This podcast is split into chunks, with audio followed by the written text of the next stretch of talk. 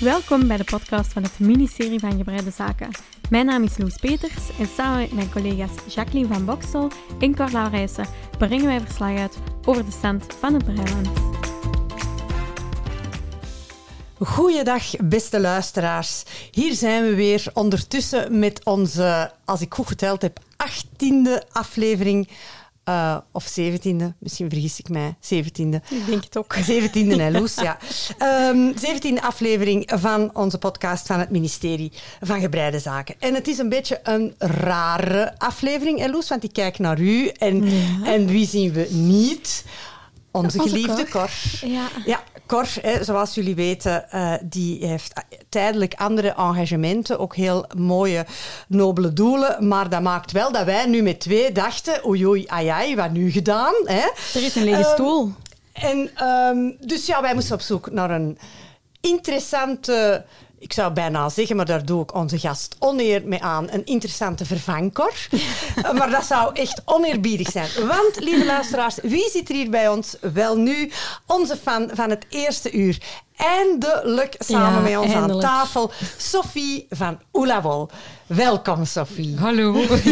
ja, wij zijn dus echt heel blij van u een keer zo... Uh, levend en Ja, wel te zien. hè? Want het is ook niet omdat Cor weg is dat we het interview willen doen. Het stond al heel lang op onze lijst Absoluut. om effectief wel te komen. Het stond al heel lang op ons lijstje, ook omdat we een hele tijd terug een bevraging gedaan hadden bij onze luisteraars. Ja. hè, Van wat zouden jullie graag, welke thema's zouden jullie aan- graag aan bod laten komen? Uiteraard brei-gerelateerde thema's. En het aspect van duurzaamheid kwam daar vaak terug. Hè? En ehm, Sophie is iemand die in haar business... ehm, maar dat gaan we allemaal zelf laten vertellen. Hè. Heel veel aandacht geeft aan duurzaamheid. Dus Sophie, the floor is yours. Vertel ons eens eh, iets meer over uzelf. Stel u een keer voor aan onze luisteraars. Dag allemaal. Ehm, ja, ik ben de Sophie van Oelawol. Ehm, vermoedelijk hebben jullie mij wel al zien passeren op sociale media. Ehm, ik ben ondertussen een tweetal jaar eigenlijk bezig met Oela. Eigenlijk handwerk, dat is iets dat ik mijn hele leven eigenlijk al... ehm, ja, maakt dat deel uit van mijn leven. Dat is iets een beetje erfelijk overdraagbaar, denk ik. Want, Je bent genetisch ehm, belast. Ja, ik ben genetisch belast. Het moest gewoon. Ja. Mijn grootmoeder, de, de mama van mijn mama, ik heb ze helaas zelf nooit mogen kennen, was ook een, een zeer creatieve dame. Ik heb dat alleen maar van horen vertellen natuurlijk. Zij zat altijd te breien, te naaien, te haken. ehm, en volgens, ik weet van mijn mama, heb ik allee, toch wel trekjes van haar. Dus ik vermoed Ja. dat daar de oorzaak ligt voor mijn eh, passie voor handwerk. Ehm, En wie heeft u dan leren handwerken? mijn mama. Ja, mijn mama heeft het mij geleerd als ik acht was. Ehm, ik heb het dan het jaar daarna officieel ook op school geleerd, hè, zoals eh, velen eh, van onze Ja. generatie nog. Bij juffrouw Nijs, hè? Eh, Ja. Ja. bij mij was het bij juffrouw Linda. maar juffrouw Linda deed dat zelf eigenlijk niet zo heel erg graag. En het kwam er eigenlijk op neer Oh. dat ik... Ja, dat was verplicht. Hè. Die moesten dat toen dat was geven. van hè. moeten. Ja, dat was van moeten. En het kwam er eigenlijk op neer, de wanhopige gevallen eigenlijk, die werden doorgeschoven naar mij. Omdat ik daar eigenlijk wel vrij goed in was. En dan mocht ik die dus leren En jij liep toch al voor, want jij Ja, kon ik al kon het eigenlijk al. Dus, ehm, dus ja, ik heb eigenlijk een aantal klasgenoten leren breien. en ik vond dat dan natuurlijk wel stoer van mezelf, hè, Ja. dat ik dat kon. Dus, ehm, en sindsdien is het eigenlijk ook nooit meer verdwenen. Ik heb zowel allee, momenten gehad dat ik dan mij meer concentreerde op het naaien of op het haken, dan weer een keer op het breien. Maar er was altijd wel iets van handwerk eigenlijk aanwezig in Ja. mijn leven. Ja. Allee, zo leuk. ook leuk dat het ook is, niet enkel breien is, vind ik. Dat je echt wel gewoon Ja, alles kunt. ja, maar ik heb dat ook nodig, die afwisseling. Ja. En naaien, dat is ook kleding naaien. Ja, ja, ja, ik heb eigenlijk negen jaar les ook gevolgd. eh, daarvoor eigenlijk, ja, van ergens mijn prille twintiger jaren. Echt? Eh, ja, heb Dus ik... jij bent eigenlijk een couturière. Als je het zo wilt stellen. ik heb vorig jaar de uitdaging aangegaan en mijn eigen trouwjurk genaaid. Bloed, zweet en tranen. Ehm, maar ja, ik ben daar wel Ik heb daar diep ja. respect voor. Mensen die kunnen naaien met een naaimachine. Ja, is- Ik ben, een naaimachine, ik ben er een beetje bang van. Is het waar? Ja, echt Ze waar. bijt nogthans Nee, niet. ik geloof dat, maar ik, je weet, ik heb een verleden als... eh, Enfin, mijn, mijn patchvriendinnen zijn altijd een beetje ontstemd als ik zeg dat ik een verleden heb als eh quiltster. Maar dat trok mij in patchwork en quilten zo aan, dat dat allemaal manueel was en niet met een naaimachine. Dat dat iets met stof was zonder een naaimachine. Ah ja, oké. Ja, bij mij is het omgekeerd. Ik naai eigenlijk liever met de naaimachine. Want ik volg op dit moment ook hoedeles en daar moeten wij heel veel met de hand naaien. Vind ik dus ook zo ver, En, hè? ja. Maar En, en als je, ja, maar Nee. als ik het kan, dan naai ik het dus met een naaimachine. Tot grote ontsteltenis van mijn eh, ju- juf. Die vinden dat je dat met de hand ja, ja, ja. Eigenlijk het ambacht moet je met de hand Zeg maar, doen, hoeveel dus- uren telt u een dag dan? Ah, soms zou ik willen dat hij 36 uren telt, maar hij telt er ook maar 24. Ja, Ongelooflijk. ja, ja. Maar dat is echt wel pa- gepassioneerd dan, hè? ja, eigenlijk wel, ja. Maar ik Zeg, heb dat ook nodig. Ik heb dat...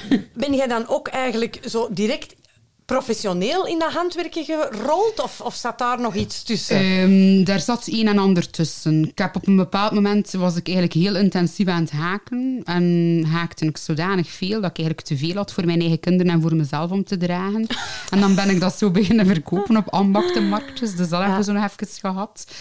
Ja, dan even een scheiding, waardoor dat alles zo wat... Hè, je leven Ja, komt even overhoop eh, gegooid. Je gaat dan ook wel een keer gaan bezinnen hè, op dat moment.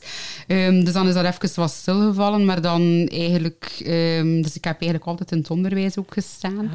dus dat Ehm, lesgeven in de lagere school aan die hopeloze gevallen, wel. dat zat er toen ook Alleen al in. helaas, toen dat ik in het onderwijs terecht kwam, was dat al afgeschaft, Ah, die ja. handwerkles. Maar ik moet wel zeggen, ik heb wel met een collega, toen dat ik in, in de lagere school in Les gaf, heb ik met mijn collega Lieselot eigenlijk altijd een breiles gegeven. Wij deden dat onder de middag. kijk. En wij hebben eigenlijk ehm, heel veel kinderen samen met de oma's leren breien. En ik vind het super fantastisch, Ja, maar ze doet, het, ze doet het nog altijd, mijn, mijn, allee, mijn ex-collega eigenlijk. Dus, Dat is ook fantastisch. ja, Ja. dat is Ik zal echt u leuk. zeggen, een van mijn besties, die is directeur in een lagere school in het Antwerpse. En die vindt dat dus heel jammer dat dat uit het leerprogramma Ja, dat is gehaald is. En die zegt ook, nu, met corona en dan zeker die eerste lockdown die zo lang geduurd heeft, hè, dat de kinderen niet naar school mochten. Dus ik ben zeker dat er veel kinderen, zo vier, vijf, zesde leerjaar, zo Ja, iets oudere kinderen, er ook iets van zouden gehad hebben Ja. als ze dat zouden gekund hebben. Een beetje haken of, of wat breien. Want en dan kun je dus heel uren- veel jongens ook, hè, die eh, super enthousiast kwamen breien bij Dat ons. is toch straf, hè? Dat was echt super tof om te doen eigenlijk, Ja. hoor. Ja, echt En we leuk. hebben onlangs ook eh, een van ons volgsters, eh, Katrien eh, Herman, Ja. van, eh, Ja. ik weet al niet meer hoe die... die? Berkenbos of Berkenboom, Ja, Humaniora of zoiets. Hè? Dus in Yes. En die, doe, die heeft ook georganiseerd met collega's over de middag babbelen en breien. Ja. Ze eten hun boterhammetjes op, ze breien een Tof, sjaal. ja, super tof. Hè? Maar Ja. Ik wou dat ze dat bij mij ook hadden. Ja. Ja, jij hebt het allemaal via YouTube moeten Ja, ik heb het leren. zelf hè? gedaan. Ja. Ja. Zeg, en dan zijn ze niet in het onderwijs gebleven. Nee, nee. Ik heb dat 15 jaar gedaan, zeker. Maar ja, ik ben van aard een nogal ondernemend persoon. En op een bepaald moment in het onderwijs, dat is ook een speciale structuur om in te Ja, werken. ja. Ehm, allee, ja, had ik het zo'n beetje gehad. Ik zat een beetje aan mijn plafond eigenlijk. En ik had nood aan een nieuwe uitdaging. En dan heb ik eigenlijk eerst een, een tussenstapje genomen. Ik ben eerst bij Veritas terechtgekomen. Dus ik, er was een job in de Veldstraat in Gent. Zochten ze eigenlijk een shopmanager. En ik dacht, ik probeer dat gewoon. En gaat het. En ik heb het, ik had het. Ja, ver- mij verwondert dat niet. Als ik zie Ja, dat nee, jij dat mij niet... verwonderde dat toen even toch Ja. wel, want ik had eigenlijk 0,0 ervaring in de retail. Dus dat was even wel van, wow, ze hebben mij aanvaard. En nu, dus eh, dan pas besefte, wat heb ik gedaan? Ja, maar nu, Maar- Loes en ik, wij zijn eigenlijk wel eh, een beetje fan van Veritas. Hè? Ik vind dat... Ja, Ja, ik die, dat wel... die hebben het toos. hè, ah, bij wel, maar Veritas. ik was eigenlijk, ook, begrijpen ik het. was eigenlijk ook grote fan van Ja. Veritas, vandaar ook. En allee, ik vind dat die eh, mensen die daar werken, die hebben er verstand van. Ja, dat is waar. Je hebt altijd wel per winkel heb je wel dames die inderdaad verstand hebben van Ja. handwerken en die ook proberen begeleiden Ja, eigenlijk. Dus absoluut. ik vind Ja. dat ook wel... allee, ja, dat, dus dat ik zie u daar wel, wel Ja. werken. Ja, ik ook. Ja, absoluut. Ik zou naar uw Veritas Ah, regelmatig komen. Ja, absoluut. Maar dat was het dan toch ook niet helemaal. Ehm, dat is eigenlijk door een beetje een samenloop van omstandigheden eigenlijk. Mijn man die ook ondertussen zelfstandig geworden was. En dat ging eigenlijk redelijk snel, sneller dan we hadden verwacht. Waardoor dat dit eigenlijk niet meer alleen kon. En dan ben ik eigenlijk mee in de zaak gestapt en ben ik hem eigenlijk gaan ondersteunen, administratief. Maar natuurlijk... Ja. Daarvoor altijd zeer sociale jobs gehad. Hè, en en altijd met, met mensen, mensen. ook. En plots thuis achter een bureau terechtkomen. Mijn man wel vaak op de baan, maar ja, ik thuis om de administratie te doen. Dat is een groot En verschil. dan hè? ja, begon dat toch zo wel een beetje te wringen van binnen. En dan dacht ik van, ik moet toch... Hè. En tijdens mijn periode in Veritas heb ik ook wel allee, bepaalde dingen opgevangen eigenlijk van mensen die soms dingen misten in het assortiment van Veritas. Waardoor dat er ook allee, ja, bij mij eigenlijk wel van alles al begon te broeden. In combinatie ook met een reis die wij zelf gemaakt hadden naar IJsland. Hoe was dat? Oh, fantastisch. Ik zou het u ten eerste aanraden. Ja. echt een prachtige reis. En heel veel mooie wol. Ja. ja. Dus ik, denk... Met een als lege koffer naar Ja. daar, hè? Ja. een extra koffer, ja. Dat is dubbel budget, hè? Budget Ja. voor de Ja. reis en budget voor de wol. Ja. Ja. Alhoewel, maar ik moet zeggen, de wol valt daar best wel mee van prijs. Ja? Eigenlijk. Ja, ik vond dat best wel Ja, natuurlijk. meevallen. eh, Wij, als we dat hier aankopen, ja, het moet ook allemaal nog Ja, naar hier het is komen. Dus, ja. maar ik, allee, is wel qua prijs, ça va. Oké. hm. Dus, eh, nee. Maar ehm, ja, ik moet zeggen, ik was eigenlijk getriggerd door de lopiewol die ik daar eigenlijk had ontdekt. En dan, dat was zo wel wat blijven hangen. Ik heb daar dan mijn favoriete sjaal mee gehaakt toen nog. En dan in combinatie ook met bij Veritas veel mensen die eigenlijk op zoek waren naar natuurlijke gares, maar Ja. volledig natuurlijk. En Veritas heeft er zeker wel in zijn aanbod, maar dat is toch eigenlijk allee, niet zo'n Ja, groot... eh, ik, ik snap wat je bedoelt, want je weet, mijn zus die, die volledig plantaardig eh, leeft en, en eet ook. En, en voor wie dat eh, ja, een wollen kledingstuk toch moeilijk is Ja. zo. Allee, die groep wordt alsmaar groter Ja, van mensen die dat eigenlijk liever niet willen, Ja. die niet willen dat een dier allee, voor hen eh, iets moet leveren. Ja. Ehm, en dat, die groep wordt groter, dus dat is echt wel... eh, Of mensen ook met voor, allergieën, Ook die al? bijvoorbeeld ehm, die chemicaliën en zo eh, niet kunnen verdragen, die daar allergische reactie op krijgen. En zo hadden wij eigenlijk wel af en toe een keer iemand in de winkel. En dan dacht ik van, hm, daar is toch nog... En dan, allee, ik moet ook wel zeggen, ben zelf eigenlijk altijd iemand ook geweest die een zeer groot verantwoordelijkheidsgevoel heeft eigenlijk. En die zich... ehm, ja, hoe zal ik het zeggen? Ehm, ik, ik, ik wil altijd proberen. Eigenlijk, mijn, mijn leus is eigenlijk een beetje ehm, do what is right, not what is easy. ja. Dus, ehm, en, en dat heb ik altijd al sinds ja, mijn kindertijd eigenlijk u. Ja, dat zit echt in mij. Dus mijn rechtvaardigheidsgevoel kon bepaalde allee, praktijken kon daar ook heel moeilijk mee om. Allee, als je soms de wanpraktijken in China, China wordt dan vaak genoemd, hè, hoort. Ik heb dat daar als mens eigenlijk wel moeilijk mee. En als ik al die dingen dan een beetje samengooide eigenlijk... Ja, op een bepaald moment was Oela in mijn hoofd eigenlijk geboren. En had ik zoiets van, ja, dat moet toch mogelijk zijn om... En zo natuurlijk mogelijke wol, die ook met respect voor onze omgeving, voor mensen, voor dieren eigenlijk, eh, is geproduceerd eigenlijk te, te verkopen. Dat moet toch mogelijk zijn? En dan ben ik eigenlijk gaan zoeken. Dan, allee, Lopi, IJsland, daar zijn ze nog enorm respectvol naar het authentiek proces. Ook omdat de wol is, is, is ehm, waterafstotend en is isolerend. En dat zijn eigenlijk de eigenschappen van het schaap eigenlijk, Ja. die nog in die, in die wol zitten. Maar dat kun je alleen maar behouden als je dat ehm, zonder chemicaliën en zonder schadelijke stoffen eigenlijk gaat gaan produceren. En Dus- is dat ook niet wol die, naarmate dat je die meer draagt, een soort van, eh, ja, dat Ja. die vezel verandert door Ja, het dragen absoluut, ja. en, en comfortabeler wordt? Die wordt, dat voelt eigenlijk vrij ruw. Stug, hè? Ja, want ik moet zeggen, toen dat ik die de eerste keer vast zat in IJsland, dacht ik van, zou ik dat wel meedoen? Want ik had daar ook toen op dat moment nog totaal geen ervaring mee of zo met die wol. En ik heb echt getwijfeld, maar het waren de kleuren. Het waren zo mooie kleuren die mij dus enorm hadden getriggerd. Ik dacht, voert, ik ga het gewoon meenemen. Ik heb dan die sjaal gemaakt en die sjaal is echt veel zachter en, en ja, echt veel aangenamer geworden door hem gewoon te dragen, door hem een keer op een wolwasje dan eh, met een beetje nucalaan in de machine eh, te wassen. Ehm allee, is dat echt ja, een, een super cozy kledingstuk eigenlijk geworden en ik kan niet meer zonder. En dat komt dus echt door het, het behandelproces dat die wol eh Eh, ja, dat is eigenlijk echt een, een ruwe wol, eh, wordt dat eigenlijk genoemd. Dat is eigenlijk een onbehandelde eh, wol eigenlijk, ja. Met als voordeel dat dat dus, ehm, ja, zeker in de Scandinavische landen, waar dat ze toch nog een ander klimaat kennen als wij hier, Mhm. ehm, is dat echt een wol die eigenlijk een extra beschermlaagje geeft. Ja. hè. Een isolatielaag. Ja, echt een isolatielaag. Eigenlijk een schapenvachtje eigenlijk. Hè. Ja. Dus, eh, ja. En toen dacht jij van dat moet mogelijk zijn om, om de, allee, daar moet een markt, Ja. daar is een markt voor en ik ga Dus ik, mijn ik ben eigenlijk dan een beetje gaan researchen. En dan ben ik eigenlijk ook bij Onion terechtgekomen. Dat is Deens, hè? Ja, dat is een Deens merk. Dat was eigenlijk... Ja, De, de luisteraars weten dat ik Ja, een hele daarom. grote Daar fan zijn we ben. Weer. Daar zijn we weer.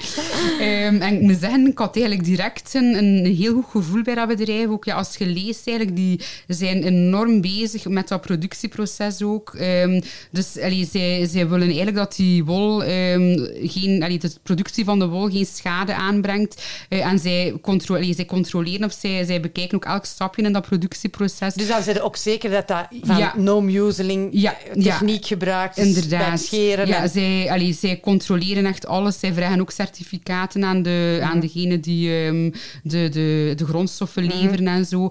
Dus zij zijn daar echt enorm mee bezig. Ehm, zij hebben ook zeer allee, vernieuwende ehm, dingen, zoals bijvoorbeeld de brandnetel. Ja. Dat is iets dat je bij niet zoveel andere merken ziet. Maar zij doen dat dus wel. Een brandnetel, ja, we kennen ze allemaal, hè, die verdomde brandnetels. Ja. Eh, dat groeit eigenlijk zonder dat je daar chemicaliën of pesticiden voor nodig hebt. Je hebt daar ook niet veel water voor nodig om dat te laten groeien. Dus dat is eigenlijk iets dat je heel makkelijk kweekt. Ehm, maar dat is eigenlijk een heel toffe vezel. Eens dat dat tot een draad verwerkt is, of, of in combinatie met iets anders, om mee te werken. Het is ook super isolerend. Dus dat heeft eigenlijk heel veel goede kenmerken. Maar het is iets waar aan mensen zo nog een beetje een schro- allee, een, Ja. iets af, of, of allee, Ja, een beetje van zeggen- dat gaat prikken, eh, maar dat prikt Eh, dus totaal totaal, niet, hè? Integendeel. hè, Nog dat is- nooit hebben we met zoiets zacht gebreid. hè? Ah, wel, want ik heb net ook het babydekentje gemaakt. Eh, in de vorige aflevering zei ik er iets over. En ik ben echt... Ja. Ik had bijna nog gestuurd van kunnen verliefd worden op Paul. Want ik denk dat is aan maar het ik, gebeuren. allee, Loes, ik begrijp u volledig. Hè? Maar, allee, een aantal afleveringen geleden zat jij nog naar mij te kijken met een zekere meewarigheid van ah, die Jackie meer een onion nettel, alstublieft. Maar één Ja, bijwerk ja, ja. en je ze helemaal om. Hè? Ik moet toegeven, het is, eh, Ja. het is de moeite waard. Echt Ja. wel. Ja, dus ik vind het natuurlijk onder- heel leuk om te horen. Ondervind jij, Sophie, in, in uw klantenbestand dat mensen omwille van eh, uw aandacht voor, de, voor duurzaamheid in uw, in uw aanbod, dat ze daarom ook naar u komen? Ja, je hebt een deel van de mensen die echt eh, daar bewust mee bezig zijn en die dus op die manier bij mij terechtkomen. Er zijn ook mensen die gewoon al googelend naar iets... Naar ehm, en ja, ja. naar een patroon bij mij terechtkomen en die dat dan na- natuurlijk wel fantastisch vinden. Eens dat ze het verhaal beginnen lezen en het idee achter, Mhm. achter Oela beginnen lezen van, ah ja, wow, dat is eigenlijk nog wel extra leuk nu om, om wol te komen. Dus ik heb eigenlijk een beetje van soorten eh, Mhm. klanten, zal ik maar zeggen. En hoe zeg jij er zelf? hè, Want je hebt, je hebt een aantal leveranciers waar je achter staat. Ja. Waarvan dat je zegt, die mensen die doen dat productieproces op een hele verantwoorde manier. Zijn er nog aspecten dat je zegt, ja, daar, daar kun jij als zaakvoerder ook nog in, in verduurzamen? Ehm, ja, ik doe zelf ook inspanningen, hè, want inderdaad, het zou gemakkelijk zijn, moest ik het allemaal aan mijn leveranciers overlaten. Ja, ik bijvoorbeeld, mijn, mijn visitekaartjes bijvoorbeeld, die zijn bijvoorbeeld op ehm, landbouwafval, papier en karton uit landbouwafval gedrukt. Allee, dus dat, is een, een, Nederlandse drukkerij die daar eigenlijk wel zeer vooruitstrevend in was. Ondertussen zijn er in Vlaanderen ook al. Maar toen dat ik begon, eigenlijk, was dat nog niet zo... zelfs niet de laatste jaren... Ja, ah, wel, ik heb dat daar eigenlijk on- ontdekt ook. Dus, ehm, Ik moet zeggen, ik heb dan in de week uw kaartje ontvangen Ah, ja, natuurlijk in het ja. pakketje en je merkt het niet, hè? Nee, het nee, is eigenlijk Het is absoluut een- geen verschil in... Nee, nee. Dus ik, ik vind het super. Een Ja. leuke uitstraling ook. Dus ik ben er zelf eigenlijk wel... Het is nu niet met mijn eigen kaartje, dus, maar, maar ik ben er wel fan van eigenlijk. en dan bijvoorbeeld mijn verpakkingen, die koop ik ook aan bij een West-Vlaamse leverancier. Die, eh, die ja, Biopak is dat. Ehm, dat is een bedrijf dat eigenlijk ook heel sterk bezig is met ehm, enerzijds ja, ehm, verpakkingen die uit gerecycleerde materialen bestaan, maar dan ook bijvoorbeeld verpakkingen die ehm, composteerbaar zijn. Dus ze hebben verschillende segmenten, maar ze zijn eigenlijk heel bewust bezig ook met ehm, ja, ervoor te zorgen dat, dat een impact eigenlijk op de omgeving zo, Zo klein, klein mogelijk... mogelijk. Want dat is eigenlijk waar het ook om, om draait bij duurzaamheid. hè, Dat wij eigenlijk onze impact op de omgeving allee, zo klein mogelijk houden. Geen schade aanrichten, zodanig dat eigenlijk de generaties die nog komen ook nog onze aarde kunnen aanwenden voor hun eigen behoeften, om in hun behoeften te voorzien. Ja. Maar de manier waarop ja, dat velen nu bezig zijn, wij zijn schade aan het aanrichten, ehm, ja. Ja. Dus Nu, er, er zit ook een, een, iets eh, dubbels aan. Ehm, als ik af en toe eens iets lees of, of, of een podcast luister over duurzaamheid en handwerk, ehm, dan komt daar ook uit, ja, heel veel handwerksters zullen dat herkennen, die kunnen eigenlijk uh, op zichzelf een winkeltje beginnen. Hè? dus mijn man zegt dikwijls, jij gaat nooit lang genoeg leven om al deze wol op te breien. en dat is zo. En natuurlijk, je komt in een wolwinkel en zeg ah, als wij er net binnenkwamen, je bent verrukt en, en je wilt direct hè, nog van... Daar, daar denk ik soms ook over van, ja, Jackie, zouden nu niet eerst eens opbreien wat je hebt, in plaats van altijd maar bij te kopen. Het is een beetje overconsumptie voor ja, je eigen ja. En dan maken wij ons als ja, hand, of ik zal voor mezelf spreken, maak ik mij soms ook wel schuldig aan. ik denk, ja, ik koop dat, waarom? Oh, het is zo schoon, het is zo prachtig, het is voor het hebben. Ik zal, wel, ik zal wel iets uitzoeken waar ik ermee ga breien. Meestal brei ik er dan uiteindelijk ook wel iets mee. Maar dat overconsumeren. Ja, maar ik pleit ook schuldig. Ik heb hier in huis een reuze stoffenkast met veel te veel stof eigenlijk met dezelfde optiek eigenlijk gekocht. Vond ik zal daar ooit wel eens iets mee doen. Ik ben heel zeker dat nu iedereen die naar ons luistert zit te knikken en denkt, ja, dat is waar. Ja, we hebben allemaal een kast met, met spullen. Ja, en zelf, want ik, ik koop niet extra. Ik koop enkel als ik het nodig heb van mijn wol. Maar ja, heb je nog eens een vijfde keer een trui nodig? Nee, hè? dat is gewoon omdat je dat zelf ook wilt maken. Bij mij dan. Dus eigenlijk is dat ook al niet... Ja, die overconsumptie... Eh, oh, allee, consumptie, die vaak overconsumpties en duurzaamheid, ik vind dat een hele moeilijke om te verzonen. Nu, het ding is wel niemand is perfect. En, en, en iedereen ja, bezondigt zich. Ik ook. Het is niet omdat ik bezig ben en, en probeer allee, om zo duurzaam mogelijk mijn zaak uh, te, te, te leiden, eigenlijk, dat ik mezelf niet aan bepaalde zaken ook schuldig maak. Maar ik denk wel, als iedereen in meerdere of mindere mate een inspanning levert, dat we al een heel groot verschil kunnen maken. Want ik herinner mij dat je een tijdje geleden ook uh, over de verzending van uw pakketten ook Klopt. eigenlijk uh, dat is mijn, ik vind dat, ja, dat is eigenlijk een beetje ja, het, punt waar ik het nog altijd het moeilijkste mee heb. Ja, als webshop, je kunt niet anders dan pakketjes verzenden. Maar ik denk de laatste maanden, dat is al van het najaar aan de gang, is er al regelmatig een keer een inval geweest. Bij ik denk PostNL, al bij, bij ja. PostNL, bij GLS is het al, bij DPD, het is al bij, bij allemaal, denk ik. En ik, ik denk, ze maken zich eigenlijk ook ja, allemaal wel een beetje schuldig aan praktijken die eigenlijk helemaal niet horen. Maar ik, ik ben er eigenlijk van overtuigd dat wij dat als consument een beetje zelf in de hand werken. In die zin, wij verwachten... Dat dat, er morgen is. Dat dat er morgen is. En ook, wij verwachten ook dat dat een gratis service is. En wij vinden dat vanzelfsprekend. Maar dat is Nee, nee. natuurlijk niet. En zolang dat mensen verwachten, en dat komt natuurlijk door de grote spelers, hè, ik ga geen namen noemen. Ja, maar hier bij ons kunnen wel namen ja, noemen. Dat is de. Ja. en de Amazons. Ah, ja, die, die leveren gratis. Al koopte jij iets van 5 euro, bij wijze van spreken, dat heb je gratis in huis. Ja, ik denk maar dat bij, bij bol.com iets... Ik denk dat je voor 20 euro moet ah, kopen. Of, 20 euro, of 25 euro. ik koop daar nooit. Hè. Nee, maar... Maar, maar dan nog, hè, inderdaad. Maar hè? ja, wel, het is, het is gewoon de mentaliteit. Mensen vinden dat normaal, dat dat gratis geleverd wordt, ook al kopen ze eigenlijk peanuts. En dat is niet zo, want dat is eigenlijk een service, allee, het aan huis leveren. Dat zijn. En een service, daar betaalde voor. Ja, want uiteindelijk, als, als ik bij u in uw webshop iets bestel en jij levert dat naar mij... Mm ja, dat kost, uit, dat kost uiteraard. Want als ik naar u kom, kost dat ook. Hè? Ja, Want dan moet ik mij ook verplaatsen. En ik kom met een auto of ik kom met openbaar vervoer. Anyway, maar je, je, je betaalt daar een prijs voor, hè, voor een verplaatsing. ja, en dat is... Maar dat is in de mentaliteit moeilijk. Ja? En ik, ik, dat is ook de reden waarom dat, dat, dat volgens mij die, die couriersbedrijven eigenlijk een soort van prijzen slagen. Want ze willen zo goedkoop mogelijk om zoveel mogelijk ja, toch klanten eigenlijk te, te mhm. winnen voor zich. En ik denk dat dat gewoon dat er daar ergens een, een mentaliteitswijziging een beetje nodig is, ook bij mhm. ons. Mm. Ja, um, ik denk dat het bij ons begint. Ja, ik denk dat dat echt... Ja. dat dat, um... Want het is aan de ene kant, willen we dan wol waarbij dat de schapen op een fatsoenlijke manier geschoren worden, hè, no museling, en willen we geen chemicaliën en si en la. Maar dan die, die moderne slaaf, want allee, ik vind dat vaak... Allee, ik ben misschien nogal radicaal in mijn mhm. bewoordingen, maar ik vind veel van die courier, uh, couriers... Ja, dat zijn mensen die, die weinig andere opties hebben dan dat werk te doen. En de uitwassen daarvan, eh, ik woon in de stad en uh, de uitwassen daarvan zijn, zijn, vind ik degoutant. Wij hebben in onze straat een, een uh, vestiging van een bedrijf dat um, boodschappen bij u thuis levert Ah, ja. binnen de 10 minuten. Hè, dus dat is het doorgeschoten individualisme tot en met.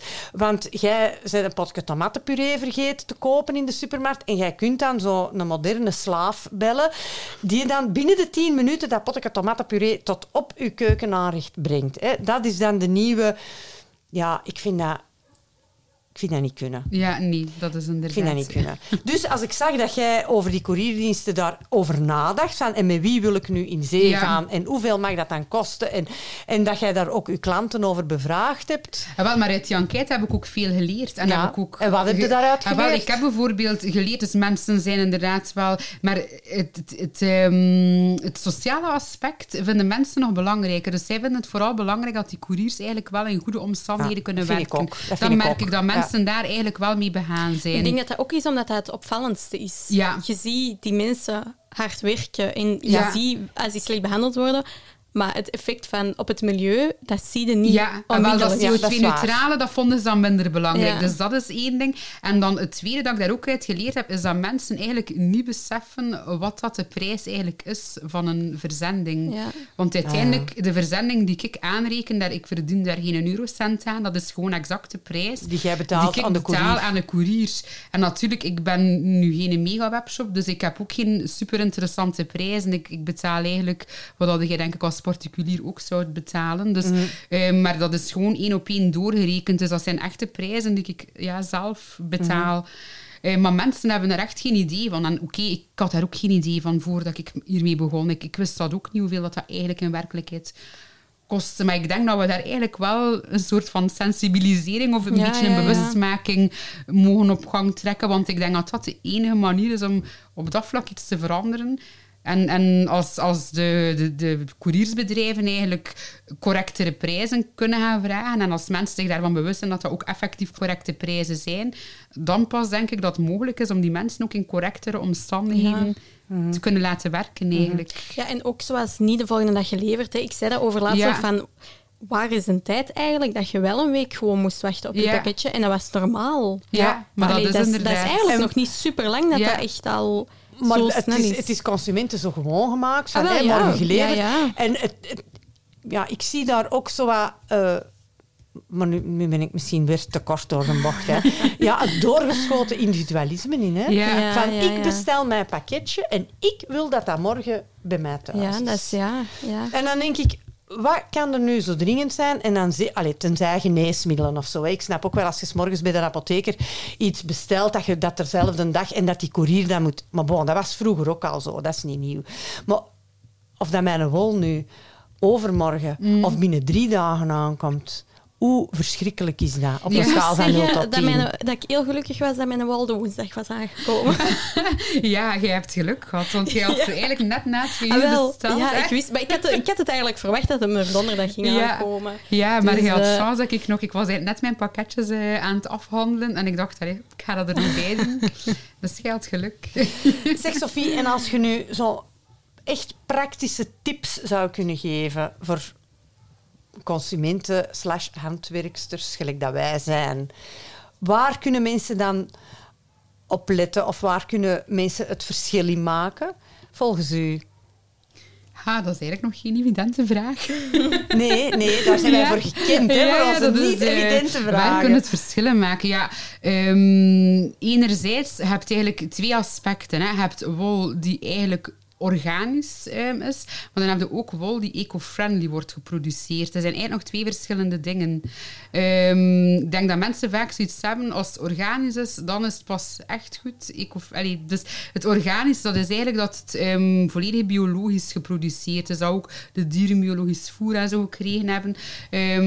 Maar bij eco-friendly wordt eigenlijk een beetje de nadruk meer gelegd op het ecosysteem. Dus dat we eigenlijk geen schade gaan aanbrengen aan het ecosysteem. Dus ik denk vanaf het moment dat je eigenlijk als de handwerkster bewust bezig bent met wol, die, ehm, waar dat er over tijdens het productieproces eigenlijk over nagedacht is, ehm, of dat, die al, allee, dat, dat er geen schade is aangebracht aan onze omgeving. Maar dat is niet alleen eigenlijk dan op gebied van chemicaliën, op gebied van no-museling of zo, maar dat gaat dan ook over mensen die in dat, in dat productieproces betrokken zijn, dat zij fair betaald worden, dat zij, dus zolang, allee, dus op het moment dat er eigenlijk eh, aandacht daarvoor is, denk ik dat dat je wel al absoluut een verschil kunt maken.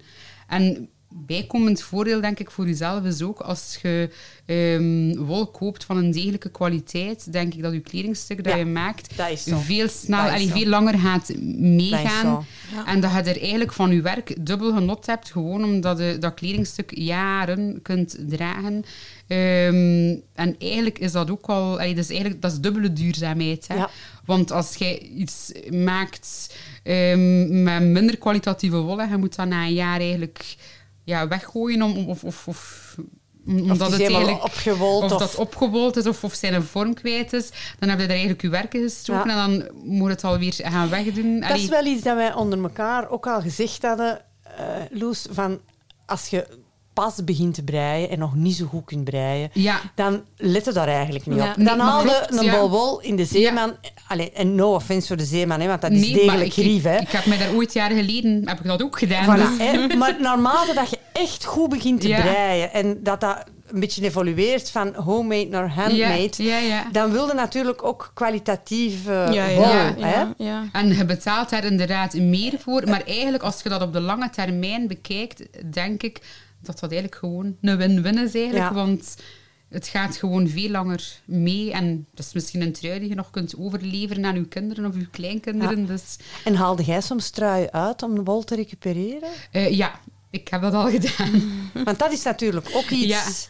Hè? Re- Ja. Reuse, repair, nog zoiets. Repair. Hè? Ja. Ja, ja, ja. Dat zijn de, hoeveel erger zijn er? Ik heb dat Eh, ooit moeten re- leren. reuse, reduce, recycle. eh, Ja. Repair. ehm, De- is er nog één? Ik had het gevoel dat er vijf eh, ik, ja, maar- ik denk het ook. Maar Ja, ik ben de er vijfde ook kwijt. Ja. Enfin, in ieder geval, ik herinner me mijn grootmoeders die sokken zaten te stoppen en die werkelijk, om het met mijn grootmoeder Ja. woorden te zeggen, gescandaliseerd waren dat wij een paar sokken met een gat in weggooiden. Ja, En die dat niet konden begrijpen. Nu dat ik ondertussen best wel wat sokken zelf gebreid heb en ook mijn eigen gebreide sokken draag, begrijp ik dat des te beter. Ja. Ik, ik pijns er nog niet over van die weg te gooien als daar Ja. een gat in zou zitten. Ik zal dat gat wel maar dat maken. is met kleren hetzelfde eigenlijk. Hè. Als. Ja, ja, ja. als er een keer een naad los is, dat zijn ook allee, dingen, daarvoor hoeft het niet weg te gooien. Dus het Nee. zit hem natuurlijk ook in dingen eh, ja, wat langer te gebruiken, wat langer bij te ja. houden. Misschien wat minder impulsief te kopen en te denken van ja, heb ik dat echt nodig? Ja, en het beste is ook, want ik zie soms ook mensen, ze, ko- ze kopen inderdaad de wol omdat ze ze mooi vinden, maar eigenlijk is het beste altijd om vanuit een patroon ook te vertrekken. Dus gewoon van, kijk, ik wil dat heel graag maken. Oké, welke wol heb ik daar nu voor nodig? Als je in die richting werkt, dan ga je automatisch... er worden hier tekens gedaan. Ja, ik lach, ik lach, want Loes die zit zeer instemmend te knikken.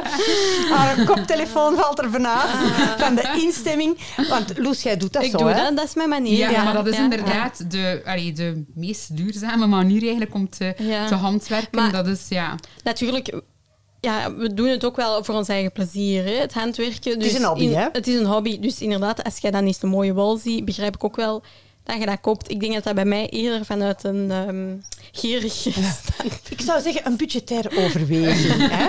We moeten daar niet direct een judgment aan hechten. We noemen dat een budgettaire overweging. Maar je Ja. moet dat niet zeggen. Je moet gewoon zeggen dat dat vanuit de duurzame... Voilà, inderdaad, dat is, goed. Ik ga dat in het duurzame- begin eh, ja. ik ga dat goed gebruiken. Ik vind voor, voor mijn generatie, want ik ben hier by far de oudste aan tafel, is heel eh, dat debat over duurzaamheid wel, ehm, hoe moet ik zeggen, ehm, ja, onze generatie is daar niet mee grootgebracht. Nee, hè? Terwijl de generatie ja. van Loes absoluut En wel. ik hè? zit er denk ik En jij zit er wat tussenin. tussenin, Ik heb hè? eigenlijk de omschakeling. Ik, ja. ik ben natuurlijk ik ben in de jaren 60 geboren. De oorlog was eigenlijk min of meer verteerd. Er was enorm overvloed en vooruitgang. Ja. En iedereen wou ook vooruit. En, en, en, en vooruit stond eigenlijk gelijk aan dingen hebben. Ja. Hè?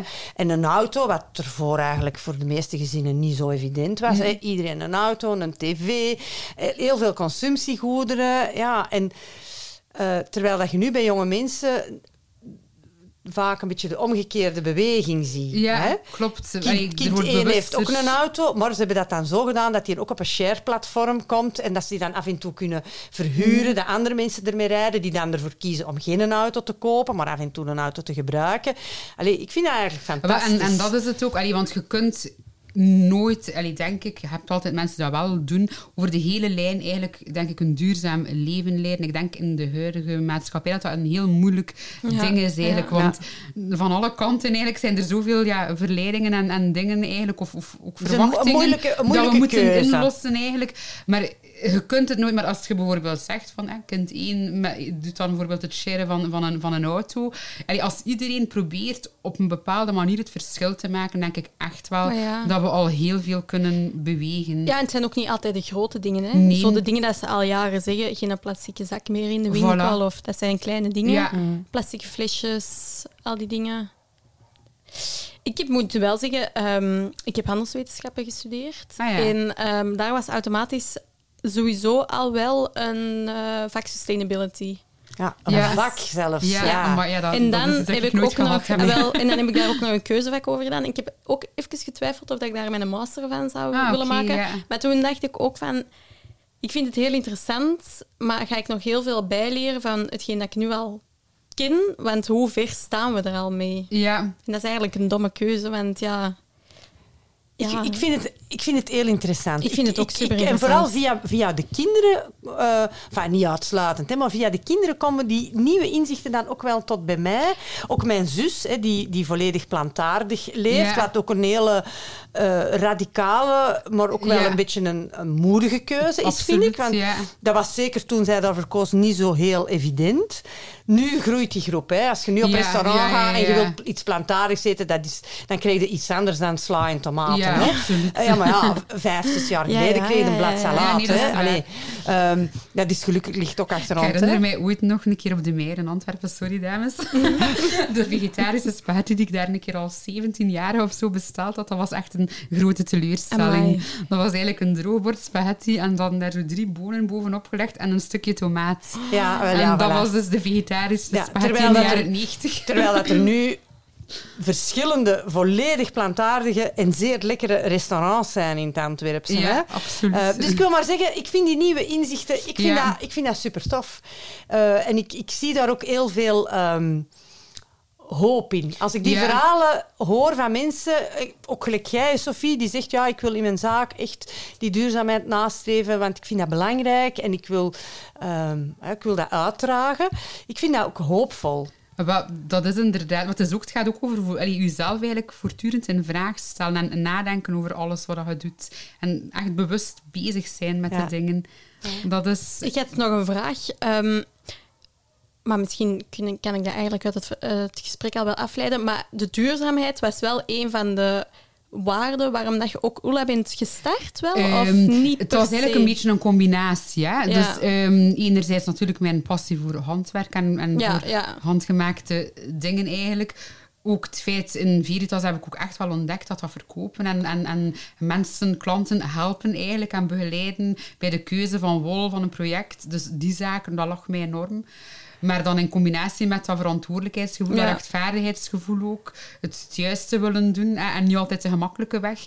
En eigenlijk als ik dan al die dingen samen gooide, dan ja, was dat eigenlijk een, een, een evidentie om, om, om eigenlijk ja, met eh, iets van mijzelf te beginnen. Want als je voor iemand anders werkt, dan zijn je altijd nog gebonden aan, een regel, aan regeltjes die je worden opgelegd door En nu, iemand anders. nu maakte ze zelf. En nu, ja, nu maak ik mijn eigen regeltjes zelf, dus heb ik zin om, om, om dat zo duurzaam mogelijk te doen. Dan doe ik dat gewoon. En, ehm, want we hebben bijvoorbeeld hier, we zitten natuurlijk in uw winkel nu, en Ja. er ligt op de toogbank een nieuw merk dat je nu eh, Ja, gaat verkopen? Of je Ehm, verkoopt het al? Novita verkoop ik al. Ja, dat is sinds het najaar, denk ik. Ah ja. Eh, ja, dat dat merk eigenlijk bij bepaalde winkels in België en in Nederland eh, te koop is nu. Dus ehm, dat is eigenlijk ook een heel tof merk, want dat is een fabriek die eigenlijk volledig CO2-neutraal ehm, draait eigenlijk. Hmm. Dus alle, ja, eigenlijk alle merken zijn, die hier liggen, zijn eigenlijk daar wel mee bezig. Ja. Oftewel met het authentiek proces. Of, allee, ze zijn er allemaal mee bezig eigenlijk.